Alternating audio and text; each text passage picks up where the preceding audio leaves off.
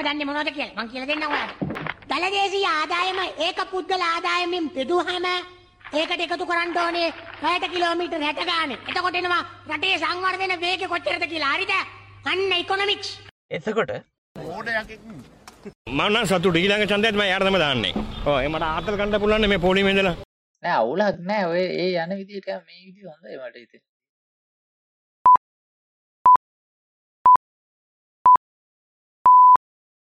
අයිබෝන් අද එදස් විසිදුනේ ජූලි පලනිදා රට කරන හැඩි පොඩ්කාස්ට් එකේ එකසි හත්තනි කොටසත් එක එකතුන හැමෝම වෙනද වගේම අදත් ආදරෙන් පිළිගන්න ඒ වගේම තමයි පොඩ්කාස්ට් එක එකසි හයවනි කොටසත් එක එකතුනු අපිත් එක අදහස් පෙදාගත්ත මොටමත් ගොඩක් ස්තුතියි කියලා කියන්නවන් අද පොඩ්කාස්ට් එකෙන් අපි කතා කරන්න හිතුවේ ටෝකින් පොයින්ස් ගැන. ඉතිං මේක ගැන කතා කරනකොට මේක පැහැදිලි කරන්න නම් මුලින්ම අපි අපේ මතක දෙදස් නවයට සහය දෙදස් නවෙන් පස්සේ පවකාලෙන අවුරුදු කීපට අරගෙන යන්න ඕනේ. ඒ කාලේ අපි දේශපාලන වේදිකාවදි හැබැලුවාම දේශපාලන කතාවල් සංවාදදිහ බැලුවාම අපිට දකින්න තිබුණු ෆෝමැට් එක තමයි හොරකමක් ගැන සාකච්ඡාවක් කෙලියටාවොත් එතෙන්දි අනි පැත්තට දෙන උත්තරේ තමයි යුද්ධිවර කරය කවුද. මිනිමැරුමක් සිද්ධ වනොත් එහෙම රට ඇතුළ කොහැරි අපරාධ වැඩියුණොත් එහෙම ඒක ගැන විපක්ෂයෙන් ප්‍රශ්න කරනවට මාධ්‍යයෙන් ප්‍රශ්න කරනකොට ආපුත්තරය තමයි යුද්ධිවර කළේ කවුද.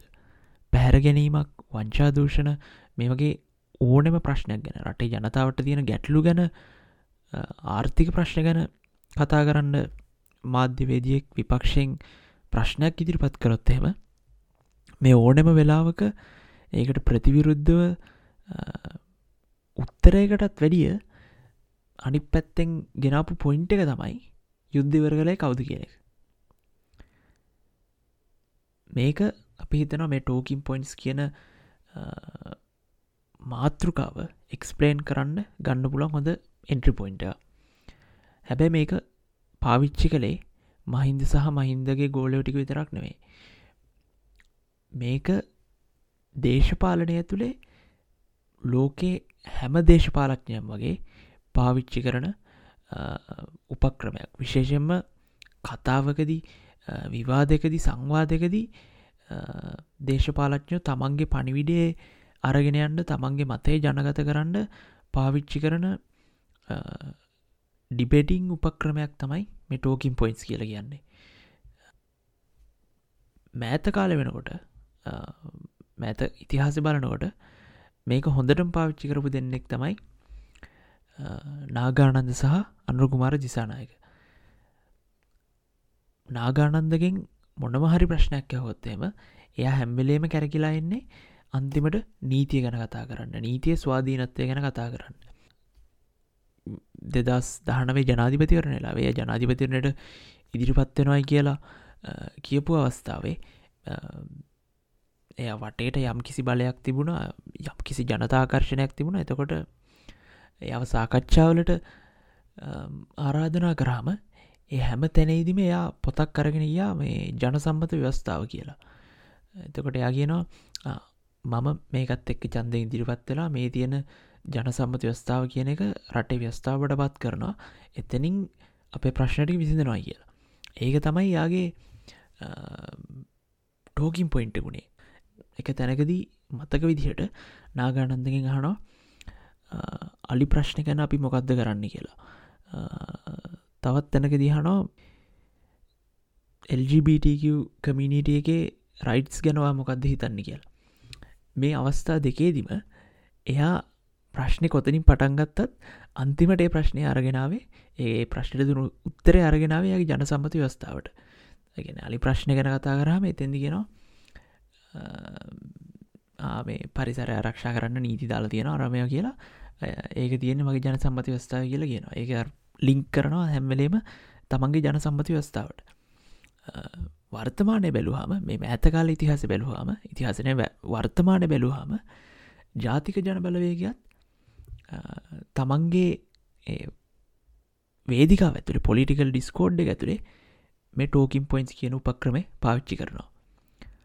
මොකක් හරි ආර්ථික කරුණක් ගැන ප්‍රශ්නයක් ඇහුවොත් එහෙම එහෙම නැත්තං වේදිකාව කතාවක් කරනකොට අපි දන්න ඒගොල්ලන්ගේ උත්තර හැඩගැසෙන විදිහ එක පටන්ගන්නේ අවුරුදු ගානක් මේ රට පාලනය කරපු පාලකයෝ රජය රාජ්‍ය පාලනය කරේ. මෙහෙමයි පක්ෂ දෙක මාරුවෙන් මාරුවට මාරුවෙන් මාරුවට පාලනය කර.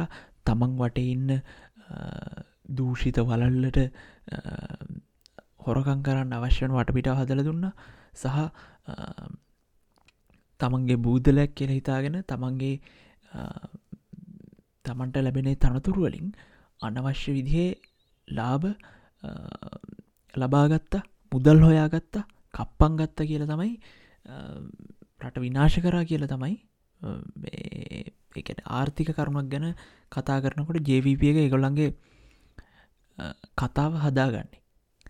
චන්දක නැහුවොත් මේ දවස්සල චන්ද තියන්න ඇත්තේ කියලාගොත් හෙම ඒකට ජවිප එකෙන් දෙන ජාතික ජනබලවයගෙන් දෙන උත්තරේ තමයි වෙනදටත් මේකොල්ලු චන්ද පැරදුනා. හැබැයි ඒ චන්ද පැරදුනාම ඒගොල්ලන්ගේ අතින් බලය ගිලිහිලා යන්නේ ඒගොල්ලන්ගේම මිත්‍රෝ පිරිසකට. ඒගොල්ලංව ආරක්ෂා කරන තවත් එක කණ්ඩෑමකට ඒක හන්ද ඉස්සරත් මේගොල්ල චන්ද තිබ්බා. මේ පාර අපි දින හන්ද තමයි මේගොල චන්ද තියන්න ඇත්තේ ඔය පොයින්ට එක චන්ද තියන්න ඇත්තැයි කියලා ගොත්තෙම අනිවාරෙන්ම ජාතික ජනබලවේගේ කතිකෙක් තමන්ගේ වේදිකාව ඇතුළේ තමන්ට ලැබෙන ඉඩ ඇතුළේ ඒ පොයින්ට එක කියනවා.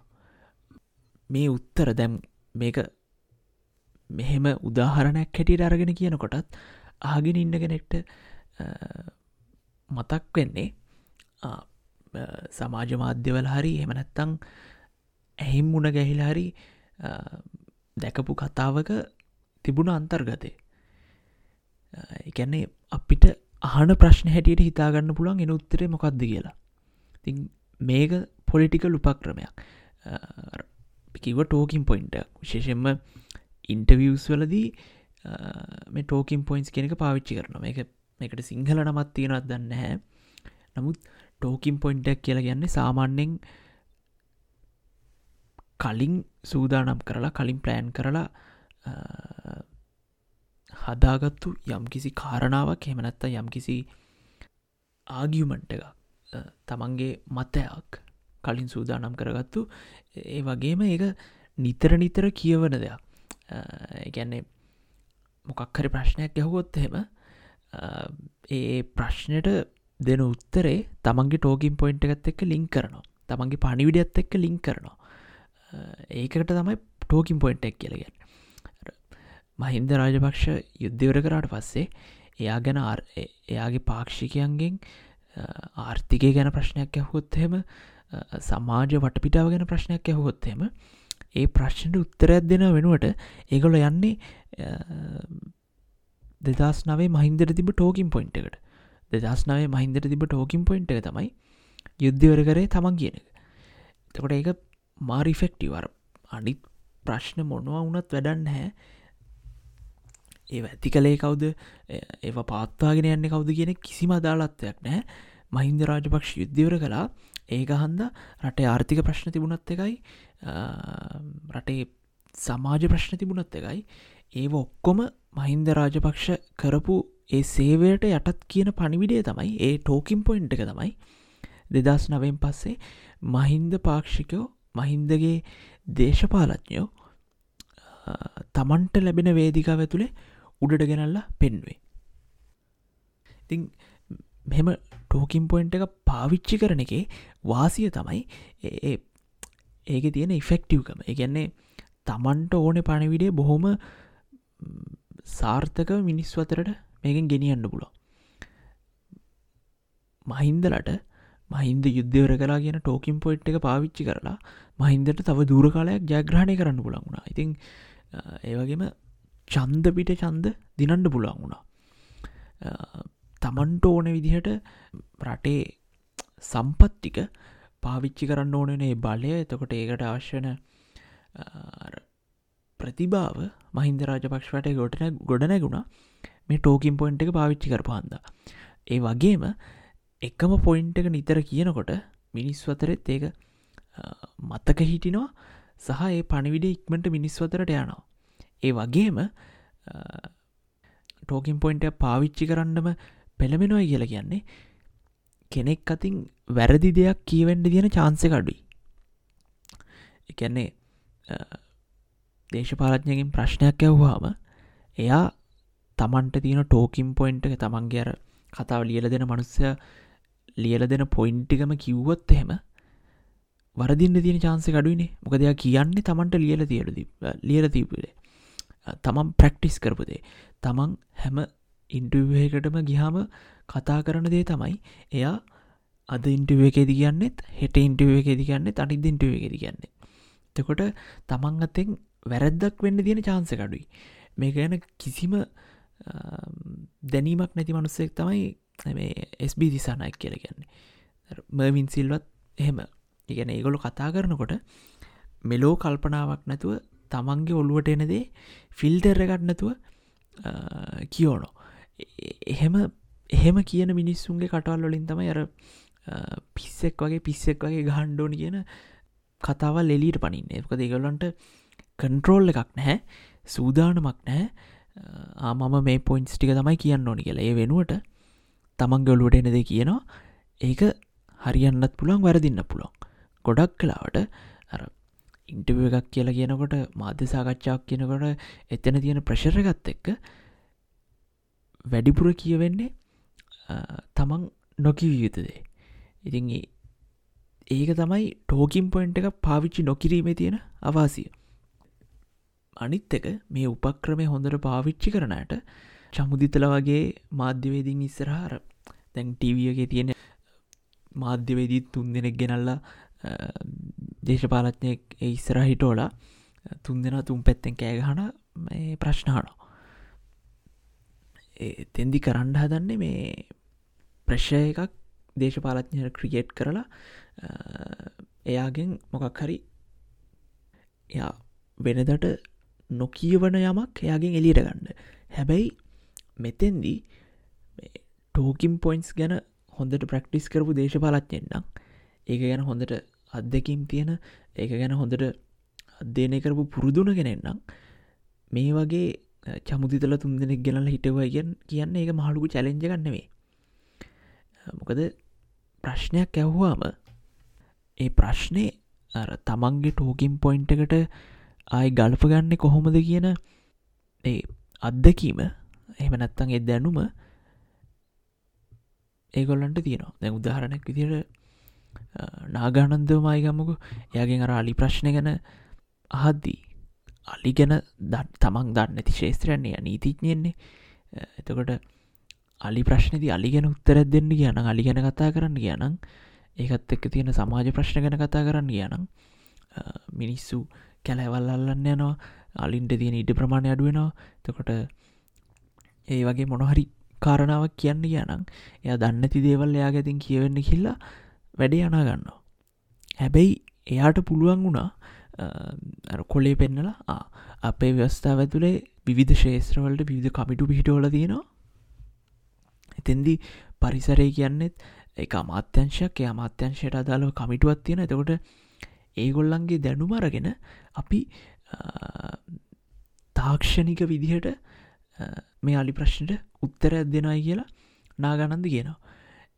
එතකොට ඒකත් එක්ක මෙයා කියනවා මේක තියෙන්නේ අපේ මේ ජනරජ වස්ථාව ඇතුළ කියලා. අන්න එතෙන්දී එයා අලි ගැනහපු ප්‍රශ්නේ තමන්ගේ ටෝකින් පොයින්ට එක වෙන ජනරජ වස්ථාවට ලිංක් කරනවා. තකොට හැම ප්‍රශ්නයටම උත්තරයක් තමන් මේ ප්ලෑන් කරලා ඉදිරිපත් කරන සැලසුම්වල තියෙනයි කියලා එය පෙන්න්නට හදරවා එතකොට තමන්ගේ පොයින්ට එක මේ උඩට යනවා. වැරදි දෙයක් කියන්න තියෙන චාන්සකත් අඩුවෙනවා මේක තවත් පැහැදිලි කරොත් එහෙම දැ අන්රුකුමර දිසානායක කතාව කරන ඉදිිය එය ගැන්නේ මේ පක්ෂ දෙක මාරුව මාරුවට රට විනාශ කරා කියලා තමයි ය පටන්ගන ඉටසේ කියන මුලින්ම ධර්මිෂ්ට සමාජයක් කියාගෙන කෙනෙක්කාව ඊට පස්සේ දුප්පතාගේ හිතවතා කියලා කෙනෙක්කාගෙන දුප්පතාගේ හිතවතා කියලා කෙනෙක්කාව ඉරස විහාර මහදේවි කියලාව ගිය චවර රජින වෙලා. මඩ සෝගදාගත් කුරහන්සාටක දාගත්තු ගොවිය වෙන මහින්ද රජපක්ෂාව අන්තිමට කිය හොරා කියලාගෙන ඊට පස්සේ පොල්ලොවෙන් මතුුණු සරල මිනිසාව එයාගේ පඹෙක් හැටියට ඊට පස්සේ රටරාගෙන විරුවාව එයා එයාගේ පිස්සෙක් හැටියට දැන්ග විත්තින්න මොළගෙනපු නැව මේ විදිහට අවුරුදු පහෙන් පාට ජනතාව රැවටිලා තියෙනවා. මේ ක්‍රමේ නවත්තන්න ඕනේ. මේගොල්ල යාලු කියන සරල පනිවිඩේ අපි හැමදා මහන පනිවිඩේ තමයි තමන් ඉන්ටවිවහකට ගියත් වේදිකාව කතාවක් කරන්න ගියත් අනුකුමාර දිසානායක කියන්නේ. ඒක බොහොම සරල පනිවිඩයක් එතන ඩයිසෙක්් කරන්න දේවල් නැහැ. සංකීරණතාවවල් සංකූලතාවවල් නෑ ඒ හැබැයි එක සංකීරණතාවවල් කියන්න කියනම් අපිත් චන්ද්‍රිකාට සහය දුන්න ඒ වෙලා රනිල්ල පරද්දන්න කියලා කියන්න කියනම් අපිත් මහින්ද රාජපක්ෂට සහය දුන්න එක වෙලාවක යුද්ධවර කරන්න කියලා එයාර තමන්ගේ පණවිඩ ඇතුළ කියන්න කියනම් තමන් දෙන පොයින්ට ඇතුළ තියෙන සංකීරණතාවයවල් කතා කරන්න කියනම් අර පණිවිඩ එච්චරට තදින් දැනෙන්න නැහැ. ඒක වදින්න නැහැ. ඒ වෙනෝට මිනිස් විතනවා මේ මනුස්ස මෙහෙම කතාවත් කිවනේද ඒක එච්චර ගැලපෙන්න දැ මෙයා අපිට මේ දෙපැත්තර පනින්න පයි කියෙන මේ මේ ගොල්ලන්ගෙත් මෙහෙම ඉතිහාසත් තියෙන්නේ කියලා කැනෙට හිතන්න පුළන් ගැන්නේ ටෝකින් පොයින්ට එකකට ස්ටික් වෙනවයි කියලා කියන්නේ. එතනින් පිට පනින්නතු ඉන්නවයි කියලා කියන්නේ. තමන්ගේ පණවිඩේ බොහොම සාර්ථකව මිනිස්වදරට අරං යන්න පුළොන් ඊට පස්සිතිං ආ ඕගොල්ලු චන්ද්‍රිකාට සහ දුන්න නේද කියලා හපලාට ඒකට වෙන උත්තරයක් දෙන්න පුළුවන්. ඒ දෙන උත්තරයත් ටෝකින් පොයින්ට එකක් හැටියට හදාගෙන තිබ්බනං එකන්නේ චන්ද්‍රිකාට සහය දෙන්න සිද්ධ වුණු දේශපාලන වටපිටාව ගැන වෙනම ටෝකින් පොයින්ට එකක් තියෙනවනම් අන්න එතින්දී ඒක හොඳට මැනේජ් කරගන්න පුල ඒක මුලින් කියන්න නැතුව ප්‍රශ්නයක් අහපුලාට ඉතරක් කෙලිට ගන්න ලැස්ති කරන්තියාගෙනන්නවනම් අන්න එතින්දි පනිවිඩේ හොඳට ජනතාවතරට අරගෙන යන්න පුළුවන්. මේකට තමයි ටෝකින් පොයින්් කියල කියන්නේ. සමහරක් දේශපාරඥ ඉන්නවා. ඒගොල්ලන්ගේ ප්‍රශ්නයක් ඇහොත් එහෙම සිද්ධ වෙන්න පුළුවන් සහ සිද්ධ වෙන විදිහ ලෝක දේශපාලනයේදී. ඉන්ටවිවහකදී මනුස්සේ දේශපාලඥෙක් කෙනවා තකොට ඉන්ටවි කරන මනුස්සය හනවා අපිට තියෙනවා එක් කියල ප්‍රශ්නයක්. දැන් ඔයා එක් කියන ප්‍රශ්න විසඳන්න මොනාද ඔගලන්ගේ පක්ෂෙන් කරලා තියෙන් තකොට දේශපාලඥය කියනවා ඔව් එක් කියල ප්‍රශ්නයක් තියෙනවා තමයි. අපේ පක්ෂය අපි බලයට ඇවිල්ල ඉන්න අවුරුදු දෙකතුන ඇතුළේ මෙන්න මේ දේ කරලා තියෙනවා. ඔය වයි කියලා කිය කියන දේ කරලා තියෙනවා. සෙඩ් කියල කියන දේ කරලා තියෙනවා. ABC මේ ඔක්කොම කරලා තියෙනවා. ඒකින් ජනතාවට මෙන්න මේ විදිහේ වාසිය වෙල්ල තියෙනවා. ඉතින් අපි ඒක ගැන පොඩ්ඩක් කතා කරමු. මේ වාසිවලින් ජනතාවගේ ජීවන තත්ත්වය එන්ඩෙන්න්න වැඩි වෙලා තියෙනවා. ඉතින් ඒක ගැන මේ අපි කතා කරන්න ඕනේ? කියලා එයා එක් සැර අනි තොක්කොම දේවල් ගැන කතා කරනවා. එක් ගැන කිසිම හවකාන්සියක් නෑ ඉතින් මේක තමයි ටෝකින් පොයින්ටෙක් කියල ගැන්නේ ලංකාවට විතරක් සීමවුණු දෙයක් නෙවෙයි මේ ටෝකින් පොයින්ට එක. දේශපාලනය ඇතුළේ ඕනෙම වෙලාවක දේශපාලඥෙක් පාවිච්චි කරන දෙයක්. නමුත් එතෙන්දී සමහරක් වෙලාවට දේශපාලඥෝ ටෝකින් පොයින්ට එකක් පාවිච්චි කරන ප්‍රමාණය ෆ්‍රීක්වන්සික වැඩි වෙනකොට එන්ඩෙන්න්න නිතර නිතර එකම කාරණාව කියනකොට කතාවේ ඒකාකාරිභාවක් ඇතියෙනවා මිනිස්සුන්ටත් ඒක එපාවෙනවා සහ ඒක නිකං ජෝක් එකක් මේ මාකටින් ටීම්හකින් හදල දුන්න පිටපතක් බට ඒ දේශපාලඥය කරන කතාවල් පත්වෙනවා ඉතිං මේක අපි කිව්වේ මේ ටෝකින් පොයින්ටෙක් කියලගන්නේ නරක දෙයක් කියන අදහසින් නෙවෙයි.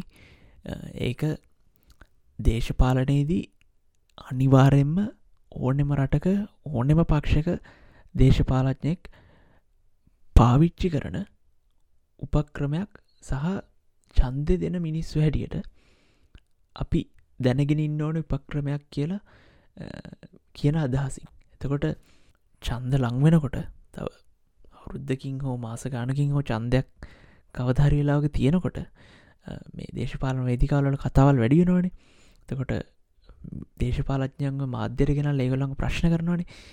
ඒ වෙලාවට අහන ප්‍රශ්නයට උත්තර දෙන්න නැතුව ඒක වටේ ගිහිල්ල ප්‍රශ්නය ඉතිහාසේ ප්‍රශ්නය අලමුලවල් හොයන්ඩ යන කියල කියන්නේ. අන්න එතෙන්දි චන්දදායක හැටියට ඉන්ටුවක බලන මනුස්සය දැනගන්න ඕනේ කතාව බලන මනුස්සය දැනගන්න ඕනේ. මෙතින්දි දැම්මයා යන්න මේ තමන්ගේ ටෝකින් පොයින්ට එකට. මොකද මේක සංකීරණතාවයල් ගැන කතා කරන්න යොත්තහෙම මේ මනුස්සයට කෙලවෙනයි කියලා. ඉතින් මේ උපක්‍රමය හඳුනගත්තොත් එහෙම චන්දදායක හැටියට මිනිස්සුන්ට පුළුවන් කතාවක වැදගත්තයමක් තිබ්බද නැද්දි කියලා අඳුනගන්න. ඉතින් ඒකත් එක්ක අදට අපේ පොඩ්කාස්ට් එක එකසි හත්වෙන් කොට සසන් කරනවා. නැවතත් පොඩ්කාස්ට් එක එකසි අටවෙනි කොට සඟමනක හැමෝටම අයිබවන්